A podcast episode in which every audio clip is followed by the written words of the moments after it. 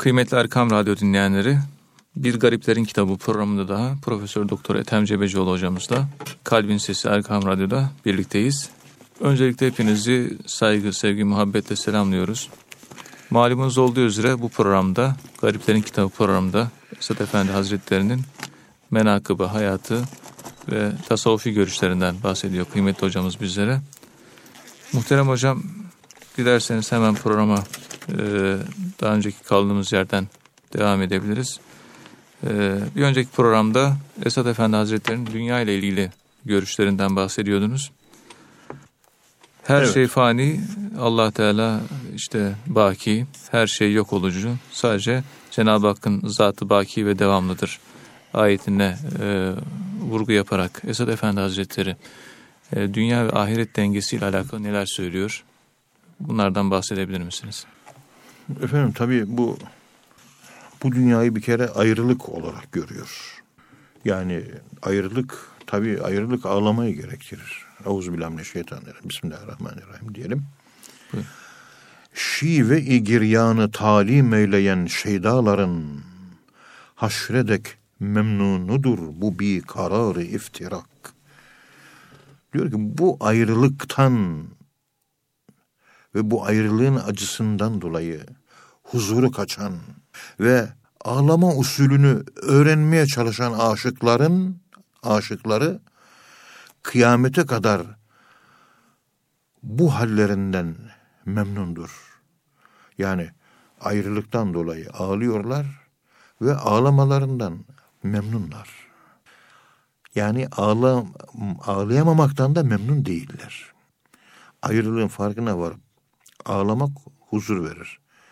Farkına varamamak, varamamak huzur vermez ve farkına vardıktan sonra ağlamamak o da huzur vermez. Farkına varmak huzur verir. Biliyorsunuz farkına vardıktan sonra ağlamak da huzur verir. Bu insanlar işte Evet. bişne çön hikayet mi konet ez ihayi şekayet mi konet ayrılıktan şikayet etmek ayrılıklar bunun farkında değil insanlar. Evet. İşte aşk ateşi ve ayrılık çilesi onları bezdirmez. Yani Evet. gerçekten aşıksanız, gerçekten ayrılığın farkında iseniz ve ayrılığı hissediyorsanız ağlarsınız, size huzur verir. Onun vermiş olduğu huzur size enerji verir. Yani asıl vatan ahiret, bu dünya gurbet diyarı yani öyle. Gurbet diyar ama ölümü hatırlamakta. Yani yuhrucul hayye minel meyyit ölümden enerji almak diye bir kavram var aslında burada. Evet. Yani kaos, kaostan, karanlıktan bir ışık geliyor. Lüks eksperennis diyorlar buna Batılılar. Işıktan geliyor. Karanlıktan geliyor ışık. Işık karanlıktan geliyor. Dolayısıyla karanlığı referans alırsanız daha önceki derslerimde anlattığım gibi hayatı ölümle terbiye edebilirseniz şayet hayatınızdan memnun olabilirsiniz. Çünkü nasıl olsa referansım belli. Buraya gideceğim ben burada. Evet. Elde bir. Bunun farkındalığıyla yaşarsan bir sıkıntı çekmezsin. Gidiciliğinin farkında olan bir insan da yanlış, eksik, noksan hareket yapmaz. Hareketleri düzgündür. Gideceğim yarın Allah'ın huzurunda, Allah'ın Allah'a nasıl bakacağım ben? Evet. Yani insan ayrılığın farkında olan insanlarda böyle bir ahlaki meziyet var. Bir günahkardan bahsedilir. Bizim kitaplarımızda, tasavvuf kitaplarında. Pardon özür dilerim. Hadis, hadis olarak okudum ben bunu. Evet. Ve Sahih Müslim'de okuduğumu hatırlıyorum. Bu okuyucu söyleyeceğim hadis. Mealini söyleyeceğim. Bir kul vardı diyor. Çok günah işlemişti. Bir tane bile sevabı yoktu diyor. Hiç sevabı yok. Allah. Tamamen günah. Ölmeden önce elini açtı. Ya Rabbi senden bir isteğim var dedi. Lütfen bu duamı kabul et. Ben öldüğüm zaman vücudum yak, yaksınlar. Kül haline getirsinler. Rüzgara versinler, yele versinler. Darmadağınık dünyanın her bir tarafına dağılayım gideyim. Yeter ki senin huzuruna çıkmayayım. Allahü Teala Hazretleri bu kuluna dedi ki ey kulum toz haline de gelsen bütün dünyaya zerrelerin dağılsa Evet. hepsini ben toplayıp ahirette bir araya getiririm. Ve hakikaten kul öldü. Yaktılar. Tozunu savurdular. Ve mahşer günde hesap için zerreleri bir araya geldi. Allah'ın karşısına çıktı. Allah direkt şu soruyu sordu. Sen niçin böyle bir talepte bulundun dedi. Benimle karşılaşmamak için olduğunu söyledin ama bunun esas gayesi nedir diyor sordu. Evet. Zaten Allah her şeyi biliyor da yine de istintak ediyor, konuşturuyor onu. Ya Rabbi diyor, günahlarım çok, sevabım yok. Sen büyük bir Allah'sın. Senin yüzüne bakmaya çok utanıyorum diyor. Yani hiçbir şey yok, bomboşum ben diyor. Tamamen günahkarım. Bitmişim ben artık diyor. Evet. Bu halimle senin yüzüne nasıl ben bakabilirim? Senden çok utanıyorum ya Rabbi diyor. Onun için bütün vücudum yakınsın. Ondan sonra toz haline gelsin, rüzgara verilsin, sulara, karalara dağılsın gitsin. Bu şekilde sen huzuruna çıkmayayım diye bunun için arz ettim. Utanıyorum senden diyor. Allah dedi ki gerçekten utanıyor musun? Evet utanıyorum. Benden utanıyorsan beni takdir edebiliyorsun. Ve ma kaderullâhe hakka kadri. Günah da işlesen. Yani utanmış adam. İşleyip de utanmayanlar var ya. El hayâ'u minel iman. Bu utanmak iman alametidir. Günahlarını bağışladım. Buyur cennete gir der ve o adam cennete girer. Allah'tan utanmak. İşte bu dünyada geçici olan dünyada insan herhangi bir iş yaptığı zaman, herhangi bir söz konuştuğu zaman, hangi edimi, eylemi, ameli varsa hemen bunun hesabını ben Allah'a nasıl verebilirim? Bu sürekli bir bilinç halidir. Gaflet olmuyor.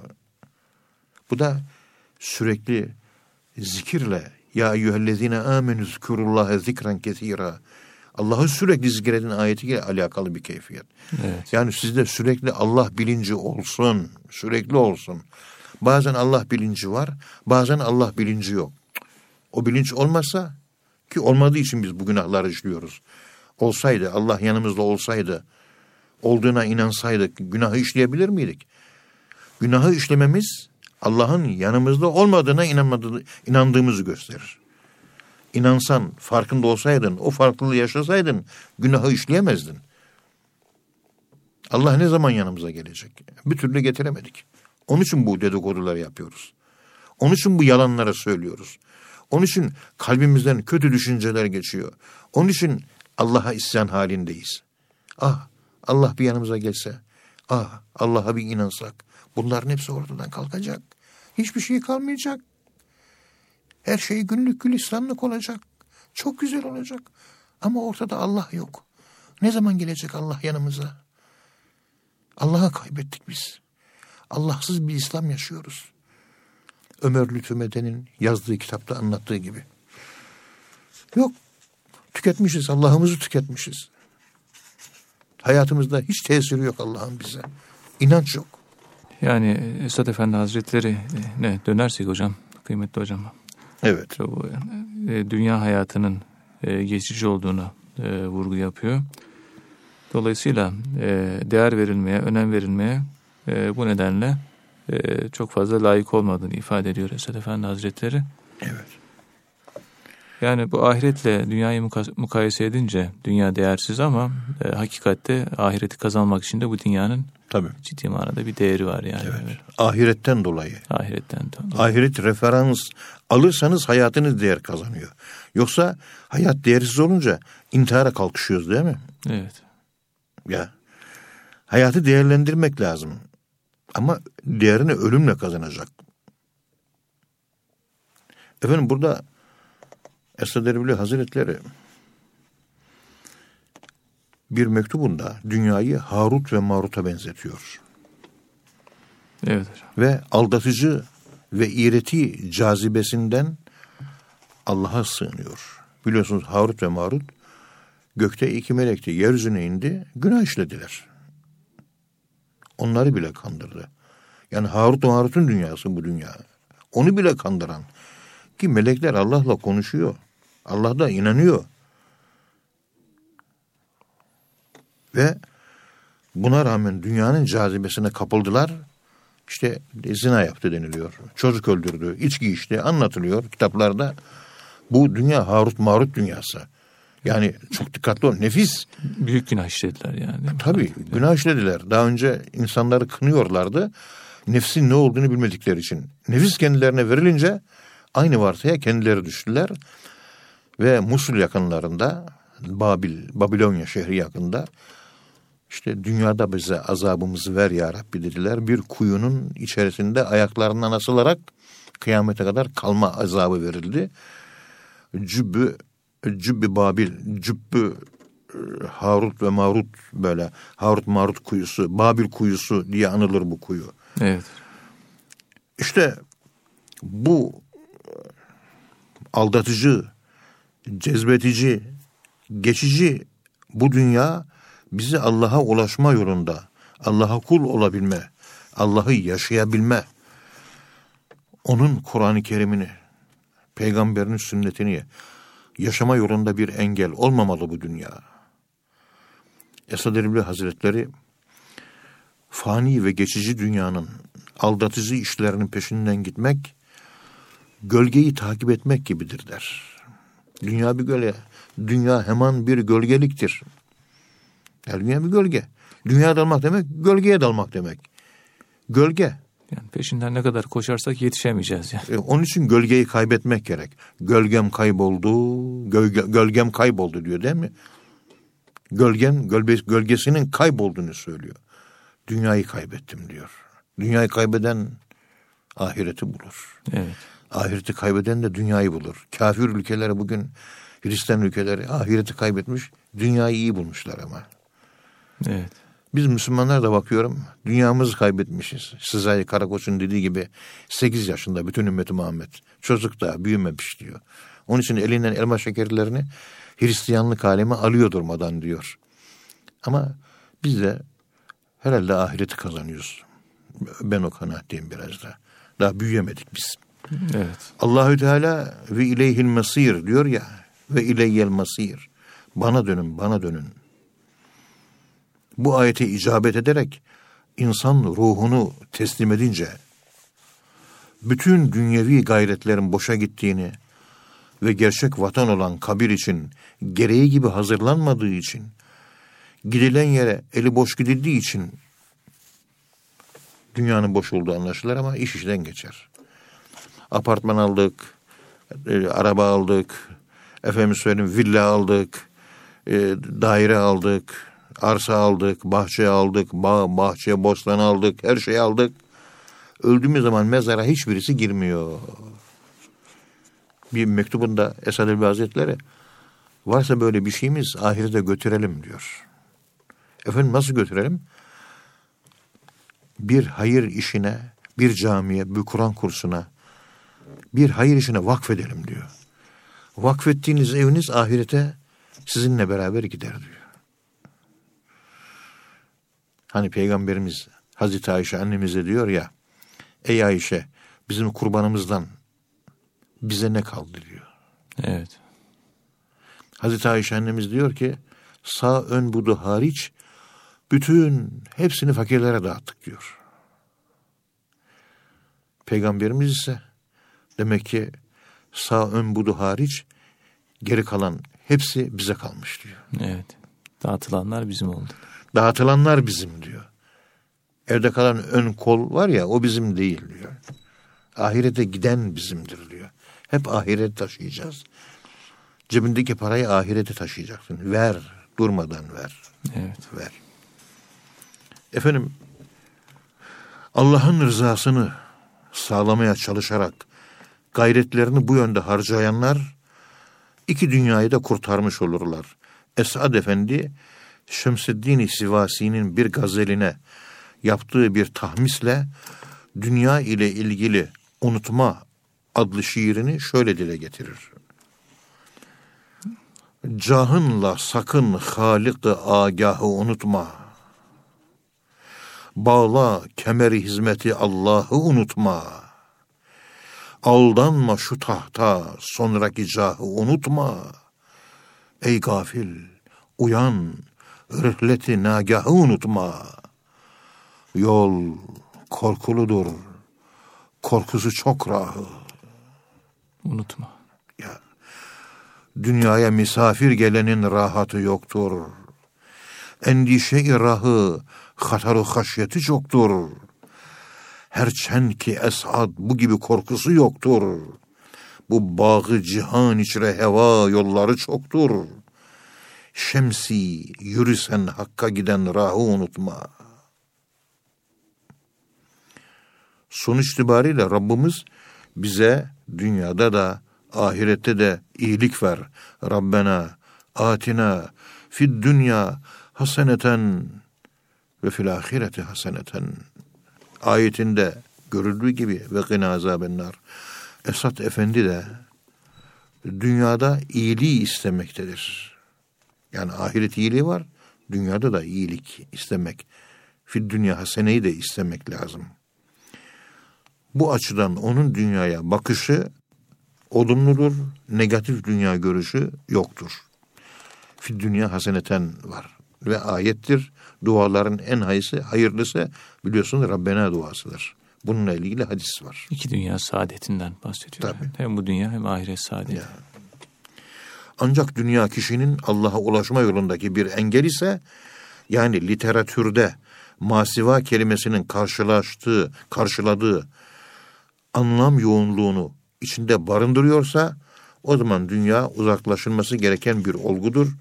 Bu nedenle hiçbir şey asıl itibariyle kötü değildir. Eğer eşya Allah'a ulaşma yolunda engel ise o zaman kötüdür. Eşyanın bizde kendisi kötü değil. Dikkat edin. Kullanıldığı yere göre izafi olarak iyi veya kötü diyoruz. Ya. Yani masiva anlamında kullanılıyorsa, yani Allah'ı unutturuyorsa o Evet. zaman e, kötü olmuş oluyor. Aksi takdirde her şey iyi anlamında. Esad Efendi Hazretleri burada kullanıyor değil mi hocam? Evet. Gerçekten yani Esad Erbil Hazretleri tam denge. Denge. Yani Golden Way diyoruz. Altın yol, altın. Çok önemli. Dışımızda zahirimizle bu dünyanın hakkını vermek zorundayız. İçimizde de Allah'ın hesabını, Allah'la beraberliğin hesabını vermek zorunda. Hakkını vermek zorundayız. Evet. Yani içimizde Allah sarhoşluğu, aşk olacak, akıl yok kalpte. Dışta ise akıl ve bu dünyayı çözmek. Bu aydınlanmış akıl var. İllümine olmuş akıl var. Hakikati gören, dünyayı anlayan akıl var. Ya Evet hocam. efendim burada aşıkın hali budur. Hep dünyayı terke, ahireti arzulamaya yönelen bir yapı var. Yani velel ahiretu hayrul leke minel ula. Çok önemli bu. Ahiret dünyadan daha hayırlıdır. Burada anlatırken Esad Erbil Hazretleri bir yerde geçiyordu. Hatırımda kaldığına göre konuşuyorum. Dünya da hayırlı, ahiret de hayırlı. Ama ahiret daha hayırlı. Evet. Akıllı olan en hayırlıya çalışır. Ve az hayırlı olanı çok hayırlı olana feda eder. Hazreti Ebubekir gibi malının tamamını vermeli. Aşıkın hali budur. Yani ehemmi mühimme tercih etmek diye. Yani Ya. önemli olanı daha az önemli olana tercih etmek. şiirlerinde de Esad Erbil Hazretleri zulmeti kabirden asude diliz pür nuruz. Lütfü Mevla'ya teşekkür ederiz, mesruruz. Saye-i Hazreti Nakşi'de mübeşşer oldum. Sali tarihim için söylediler mağfuruz. Şeyh Osman Efendi için bir vefat tarihi yazmış. Kabrin karanlığından dolayı gönlümüz sıkıntı değil, rahat içinde. Çünkü bizim kabirimiz nur dolu, nur. Karanlık olursa üzülürüz. Kişi ışığını buradan götürür. Kabirde ışık yok. Teheccüd namazına kalkarsan, zikir çekersen. Evet. Mehmet Emin Haksever amca vardı Ankara'da. Çok büyük bir zattı. Allah rahmet eylesin. Çok değerli bir zat. Evet.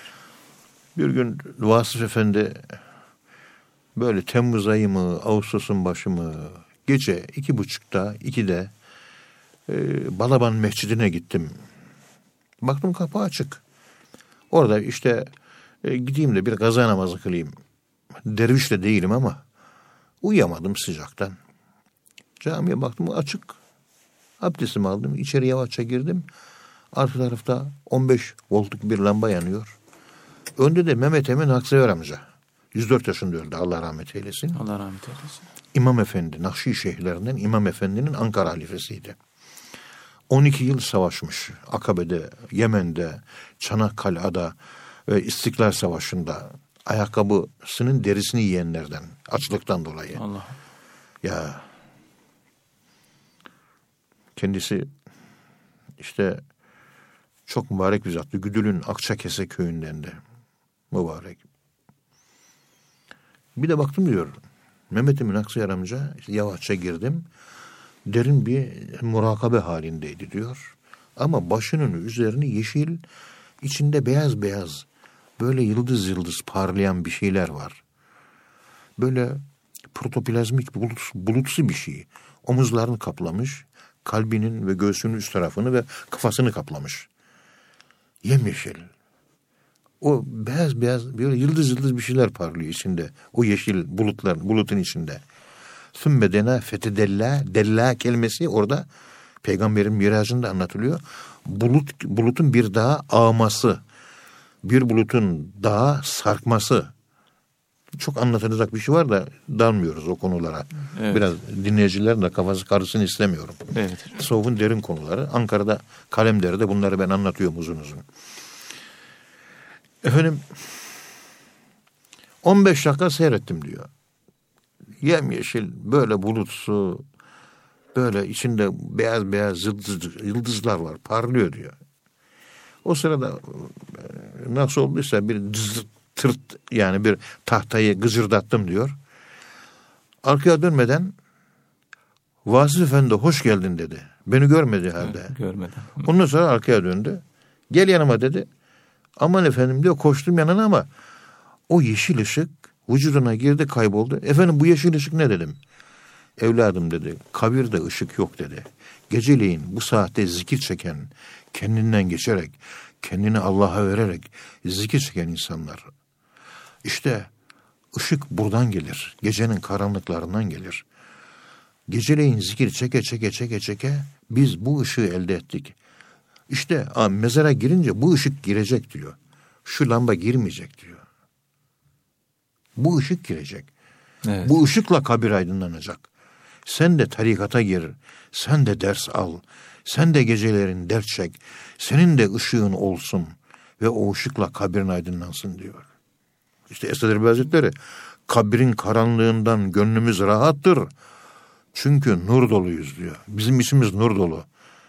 Nur dolu olduğu için kabirimiz de nur dolu olacak. Işığı buradan götürüyoruz. Kişi ışığını buradan götürür.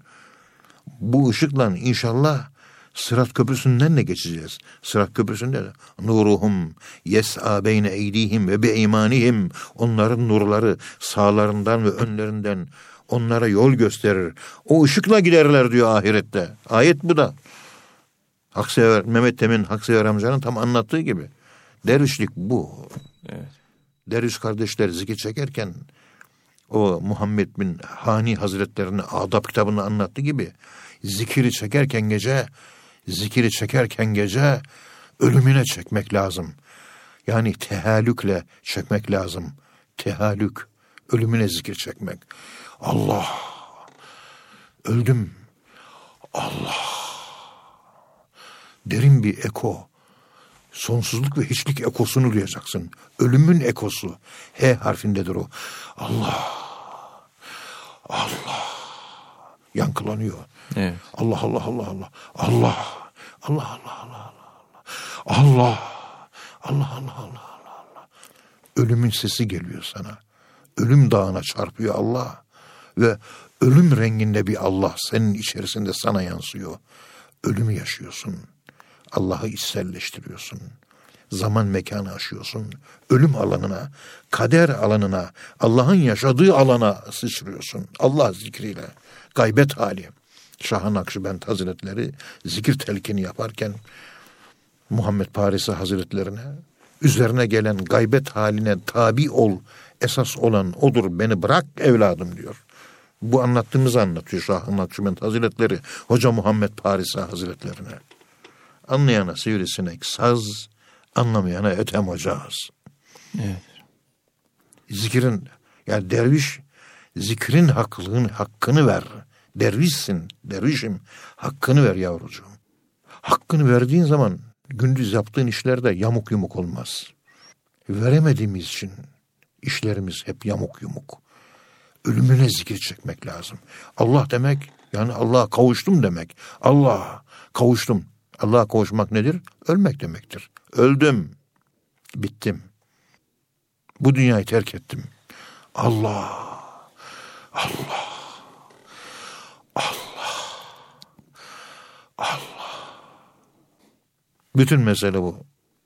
There is all problem to be or not to be William Shakespeare. Romeo, Romeo ve Juliet'in sonunda böyle söylüyor. Bütün mesele şu. Olmak ölmek, ölmek olmaktır. Öldüğün zaman olacaksın diyor. Shakespeare söylüyor. Shakespeare aslında Müslümanmış. Şeyh Pir imiş adı. Evet. En son cümle bu. Aşk uğruna iki delikanlı birbirini öl, öv diyor kızla erkek. En sonunda ölmek olmaktır, olmak ölmektir. Öldüğümüz zaman olacağız. Mutu kable ente mutu. Ölmeden önce ölünüz. Ki olunuz. Olmak demek ölmek demek. Ölmek demek olmak demek. Evet. Ölüm bize değil biz ölüme sahip olacağız. Ölüm bizi kullanmayacak. Biz ölümü kullanacağız. Akşemseddin gibi ölümüne kendi karar verecek. Mukarrabun evliyasının özelliği bu. Onların hiçbir yaşamayı istemiyor. Hep ahireti istiyorlar. Yaşamayı istemiyorlar. Hep ahireti. Allah daha güzel. Orası daha güzel. Bura çile, sıkıntı yurdu. imtihan yurdu. Her gün bir tokat yiyoruz. Orada ebedi gençlik ülkesi. Ebedi güllerin solmadığı bir diyar. Orayı özlüyorum. Orayı özlüyorum. Allah bu özlemden ayırmasın. Amin.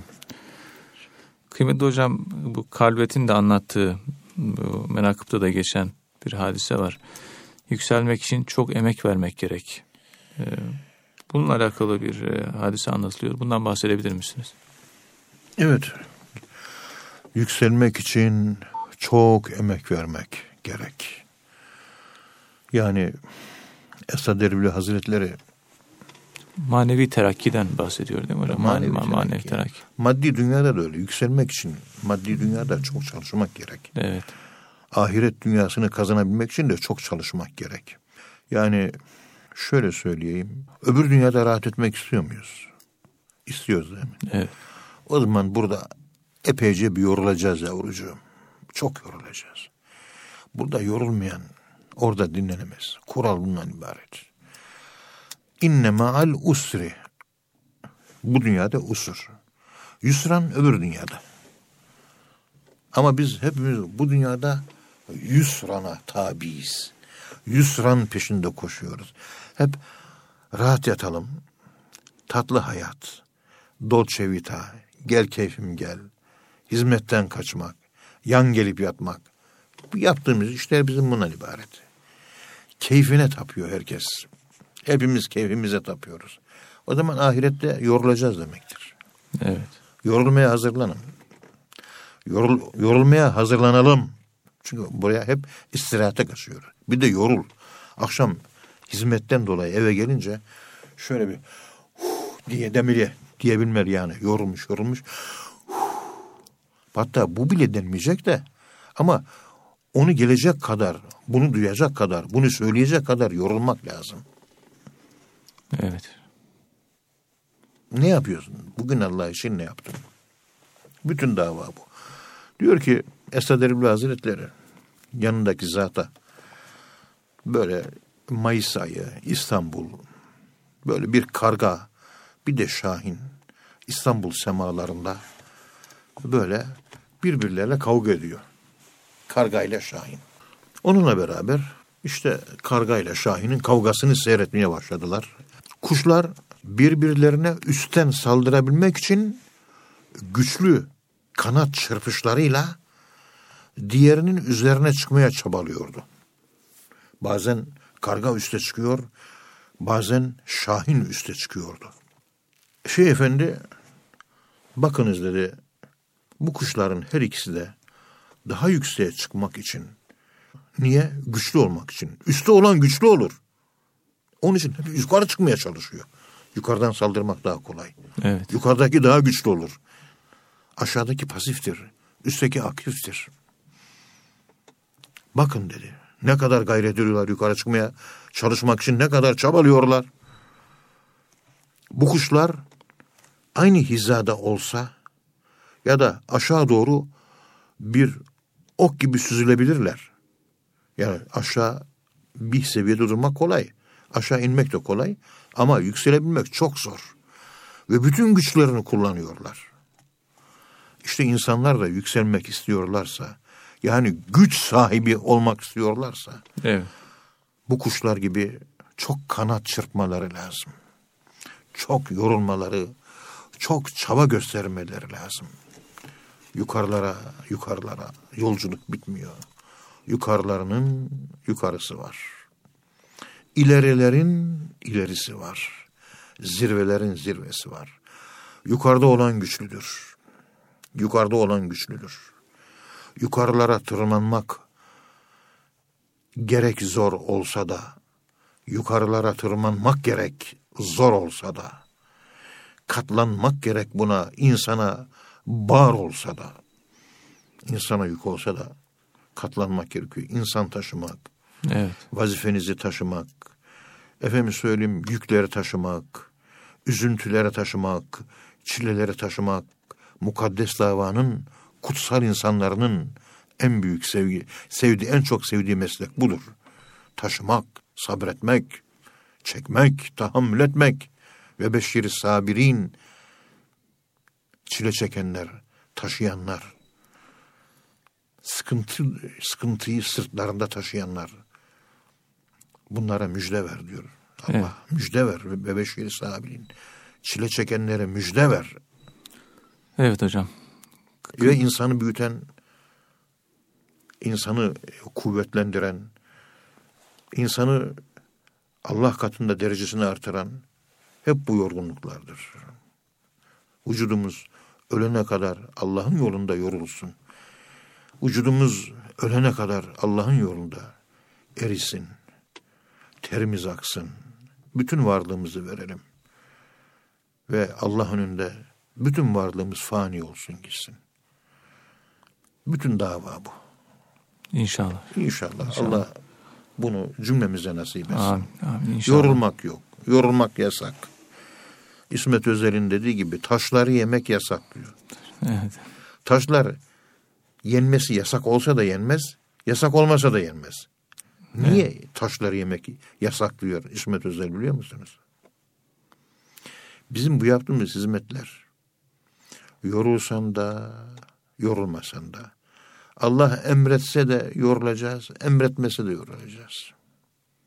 Evet. Ya zaten yapacağımız vazife bunun için geldik biz. Vazifemizi bilsek de bilmesek de Allah emretmemiş olsa bile vazifen ne? O vazifeyi yapacaksın. Evet. İlla mutlaka birilerinin emir vermesi gerekmez. El arabası gibi olmamak lazım. Evet. Nerede görüyorsun bir eksiklik, noksanlık hemen düzeltmen lazım. Birileri emir verecek. Böyle bir şey yok. Her zaman emre hazır. O kadar. Evet. Evet hocam. Hocam e, bazen e, maneviyatta da küçük şeylerin büyük şeylere perde olduğunu e, görüyoruz. Yani evet, bazen insanlar teferruatlarda boğuluyorlar. Bu sefer hedeften uzaklaş, uzaklaştırıyor tabii bu. Bununla alakalı da bu Karl de nakletmiş olduğu Esad Efendi Hazretleri'nin bir menkıbesi var. Küçük şeylerin büyük şeylere perde olmasıyla alakalı. Evet. Bundan bahsedebilir misiniz yani? Küçük şeyler Evet. neden büyük şeylere perdedir ya? Vay için bu gerçekten hayatımızın küçük küçük şeyleri bizi çok oyalıyor. Yani mühimlerle uğraşırken ehemleri kaçırıyoruz. Evet. Benim çok kıymetli mesai arkadaşlarımdan bir tanesi böyle e, sevdiğim muhterem bir zat, değerli bir arkadaşım. E, yani iyi de bir arkadaşım. Hizmeti seviyor. Ama hizmeti şöyle seviyor. Şimdi diyorsunuz ki e, siz bu öğrencileri yetiştireceğiz. Bu insan malzemesi var önümüzde. Evet. Biz akademisyeniz. Akademisyen olduğumuz için biz insan yetiştireceğiz. Onlara tefsir okutalım. Fıkıh, hadis okutalım. Onlara dünyayı okutalım. Onlara ahireti okutalım. Onlar Kur'an'ın ruhunu elde etsinler. Durmadan adam yetiştirelim. Durmadan adam yetiştirelim. Evet. Hadi koşalım. Banya'da, Ankara'da 35 konuştuğum, koşuştuğum gençlere hizmet ettiğimiz yer var. Benim kendi adıma konuşuyorum. Evet. Bakıyorsunuz çünkü ben e, bir, yani bir akademisyenim işte ilim anlatmak durumundayım. Talebelere bir şeyler vermek zorundayım. Benim vazifem bu. Bunu yapmam lazım. Ama bunu yapmayıp da kalkıp da e, yavrucuğum ne yapıyorsunuz böyle bir hizmete koşuyor musunuz? Koşuyorum hocam diyor. Hakikaten koşuyor. Efendim otobüste giderken bir tane şoförle tanışmıştır. Onun teyzesinin dayısının oğlu. Efendim söyleyeyim, hastaneye girecektir. Onun efendim söyleyeyim orada bir tanıdığı yoktur falan. Bu gibi hayır işlerle uğraşıyor. Ama bu hayır işi değil de senin işin adam yetiştirmek. Yani mühim olan mühim. Bir insana gidip bir hastaneden sıra alacaksın. Bir, bir şey mi? E, tanıdık tanımadık hizmete de koşuyorsun. Güzel. Falanca bir yere gidiyorsun. Falancanın e, teyzesinin, dayısının, kızının damadı buradaymış. Onu ziyaret ediyorsun. Ama hizmet nerede? Sen hizmete geldin buraya. Evet. Sen konuşmaya, anlatmaya, eğitime geldin sen. Sen nerede geziyorsun? Sağda, solda geziyorsun. Ya, güzel de bir iş, kötü bir iş de değil. Ama mühim yaptığın işler, ehem, o kayboluyor. Yani bu şekilde insanın mühimlerle meşgul olup ehemmiyeti kaybetmesi aklının küçük olduğunu ve ahmak olduğunu gösterir. Ve ahmakları oynayan maalesef pek çok hizmet erbabı var. Lüzumsuz işlerle meşgul olacak diye Allah'a kulluk birinci görevimiz bizim. Evet. İkinci işlerde insan kendini vermiş orada kendini fani kılıyor. Ya önce sen bir kul olacaksın. Bir onu bir hallet. O birincil. Primer. Ondan sonra sekondere geç. Yok. Öyle bir şey yok. İşte Esad Erbil Hazretleri bunu anlatırken diyor ki Karlvet'e masmavi gökyüzüne uzanan Alem Dağı'na bakarak Sayın Karlvet bana biraz yaklaşın dedi. Yaklaştım Esad Erbil Hazretlerine. Buradan uzaktaki şu muhteşem dağı görüyor musunuz? Alem Dağı. Şimdi başınızı biraz sağ tarafa çeviriniz ve bakınız. Başımı sağ tarafa çektim, baktım. Efendim dağ gözükmüyor. Biraz önce görüyordum ama şimdi göremiyorum. Sayın Karlvet, niçin dağı göremiyorsunuz? Efendim çünkü dışarıdaki incir ağacının yaprağı pencereyi kapatmış ve o incir ağacının yüzünden alem dağı göremiyorum dedim diyor. Bunun üzerine Eser Bezler dedi ki işte Marifetullah. Allah'ı tanımak da böyledir. Yani bu yaprak gibi hayatınızı meşgul eden küçük şeyler var pek çok.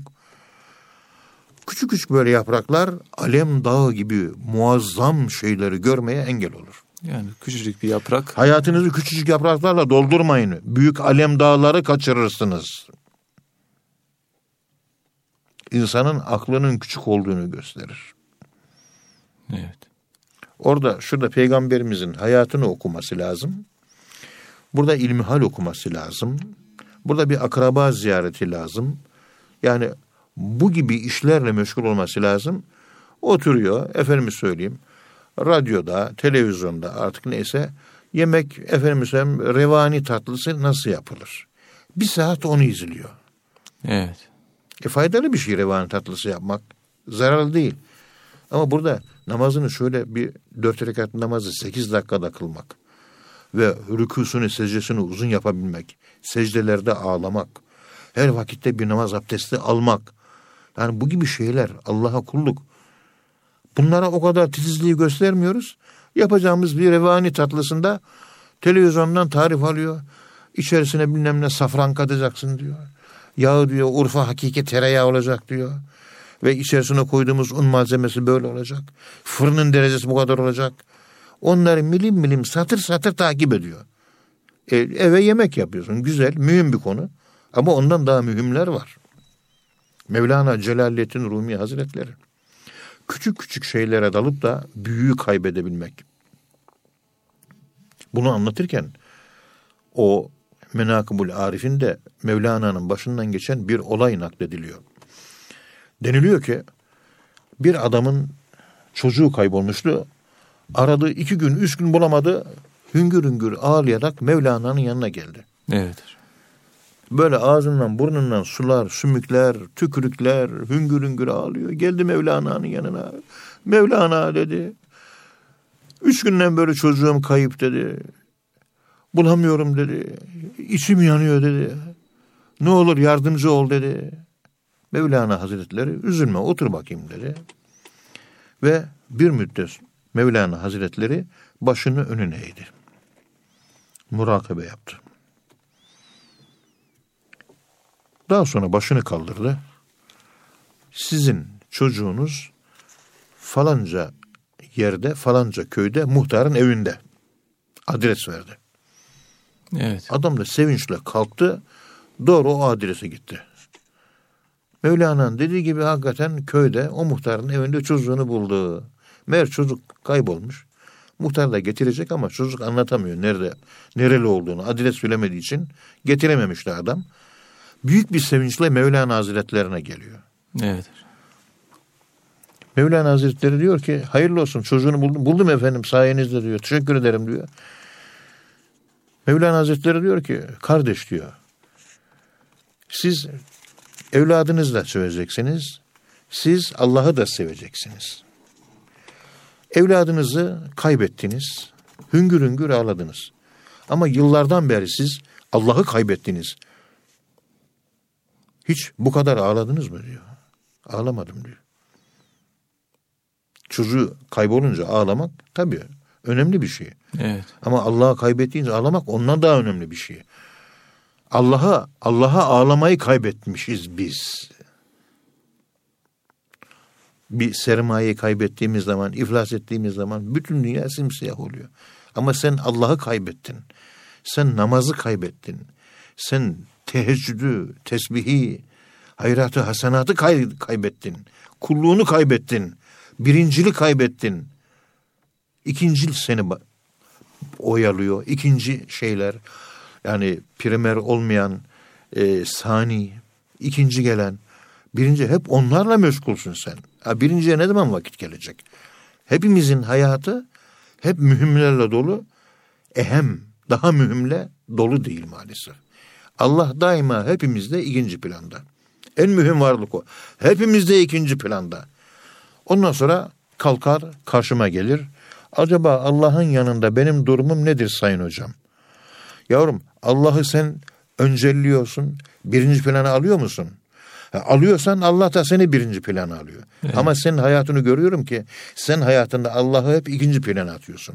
Bunun manası Allah da seni ikinci plana atıyor. Sen Allah'a nasılsan Allah da sana öyle. Anladın mı? Evet. İşte bu e, Esad Erbil Hazretlerimizin anlatmış olduğu husus e, çok büyük bir hayat terbiyesi. Yani plan, program, kural çok önemli bunlar. Bunları hep kaybettik biz. Evet. Hep basit basit şeylerle, hobilerle meşgul oluyoruz. Dünya, dünya kesinlikle ikinci planda olması lazım. Ahiret birinci. Delili velel ahiretu hayrul leke minel üla, üla, üla. Ahiret üla. Dünya sani. Dünya ikinci. Ayet bu böyle söylüyor Allah. Dünya hep önde, ahiret ikinci planda. Evet. Çünkü insan innel insanu hulika helu'a yaratılışta insan kapitalist yaratıldı. Fıtratında kapitalizm var. Mülkiyet mülkiyet var insanın yapısında. Evet. Onun terbiyesi, o mülkiyet duygusu. Onu nasıl halledeceğiz ben de bilemiyorum. Çok zor. Evet kıymetli hocam. Allah razı olsun. De, demek ki yani teferruatlar, küçük şeyler büyük hedeflere ulaşmayı engelliyor. Engelliyor maalesef. Hayat boşa geçiyor. Evet. Kı- kıymetli dinleyenler tamam. E, programımızın e, sonuna geldik. Ben bir sonraki programda tekrar buluşmak ümidiyle hepinizi Allah'a emanet ediyoruz. Hoşçakalın efendim.